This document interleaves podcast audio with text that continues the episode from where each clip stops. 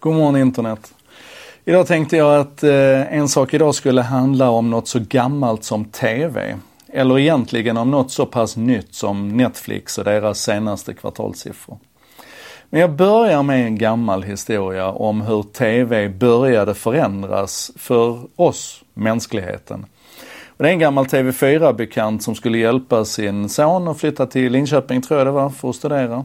Och följde med flyttlasset dit och skulle ställa in TVn till den här sonen. Detta är alltså 15 år sedan ungefär.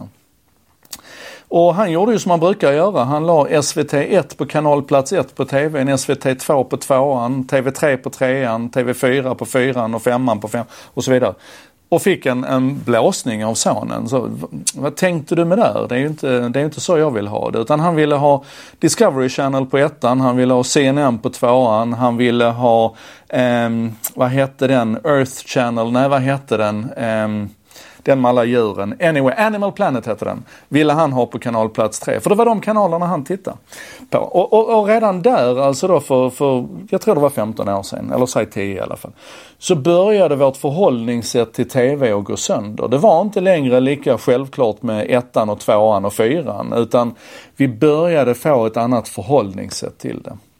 Sen har internet kommit och ännu tydligare ställt till det här så att vi inte längre alls egentligen har någon relation i någon särskild utsträckning till någon kanal. Utan vi följer program, vi följer serier, vi följer karaktärer och var de än går så, så följer vi efter. Och ett tydligt exempel kan man ju se i, i tjänster som HBO och Netflix och så vidare som när de ska föreslå dig en, en, en film eller en serie att titta på. Påfallande ofta i bakgrunden matchar baserat på vilka skådespelare som det är som ingår där. Eller när de ska föreslå en dokumentär så, ja men ni fattar, det där hänger ihop i bakplanet. Och nu kan man ju säga då att, att playtjänsterna är en, en livstidsförlängning på de traditionella kanalerna. Det är i ganska hög utsträckning så att SVT fortfarande vill att jag ska använda SVT Play för att titta på deras kanaler. Och, och eh, eh, TV4 Play eller numera då C More för deras kanaler och så. Men det där håller på att slå sönder. Och tittar vi på och jag vet ju att de traditionella tv-kanalerna säger att ja men tv-tv är fortfarande jätteviktigt. Det är otroligt många som tittar på det.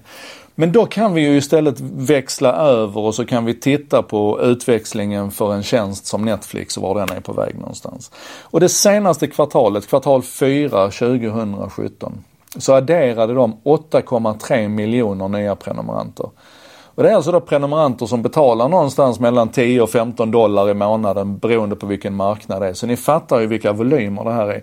Totalt sett så har de en 117, nästan 118 miljoner strömmande kunder nu. Alltså kunder som prenumererar på deras tjänst. Och det här är intressant för att man övert, alltså det här växer snabbare än vad marknaden trodde att det skulle göra. Marknaden hade estimerat någonstans runt 6 miljoner nya prenumeranter. Men det blev det alltså 8,3 då. Varav 2 miljoner är i USA och resten är internationella prenumeranter. Så att det är otroligt viktigt för Netflix att fortsätta liksom växa globalt. Man kan ju översätta det här lite grann till pengar också och, och fjärde kvartalet så drog de in 3,3 miljarder dollar. Eh, och det är ju inga små pengar men man ska också ha klart för sig att de har stora kostnader. Eh, de räknar med att under 2018 här nu så ska de, ska de öka sin spending på originalserier med, med 50 procent, alltså upp mot, mot eh, 2 miljarder, 3 miljarder. Alltså det det är enorma summor man pratar om här. Men man har också pengar som man, som man vaskar, kan vi väl kalla det för. Eh, man listade bland annat att 39 miljoner dollar har man skrivit av bara för material som är inspelat och betalt men som inte kommer att sändas. Och det förtydligade man sen att det hade med Kevin Spacey-grejen att göra framförallt med metoo där man alltså fick göra om stora delar av, av House of Cards-grejen och sådär. Stora summor, eh, en spännande utveckling. Frågan är väl till dig som fortfarande har vanlig traditionell TV där hemma. När kommer du att klippa kabeln som man kallar det? När kommer du att bara tittar på Netflix, HBO, Viaplay, C More Um, och, och Play-tjänsterna. Och förresten, du har väl sett att Apple har en sån här Meta-app nu som bara heter TV som du kan köra i Apple TV eller din iPhone. Som ger dig en, en samlad överblick och du kan söka tvärs igenom alla tjänsterna och sådär. Det är bra grejer. Anyway, TV otroligt viktig del i vårt liv historiskt. Vart tar det vägen nu? Mycket att fundera på. Det tänker jag göra.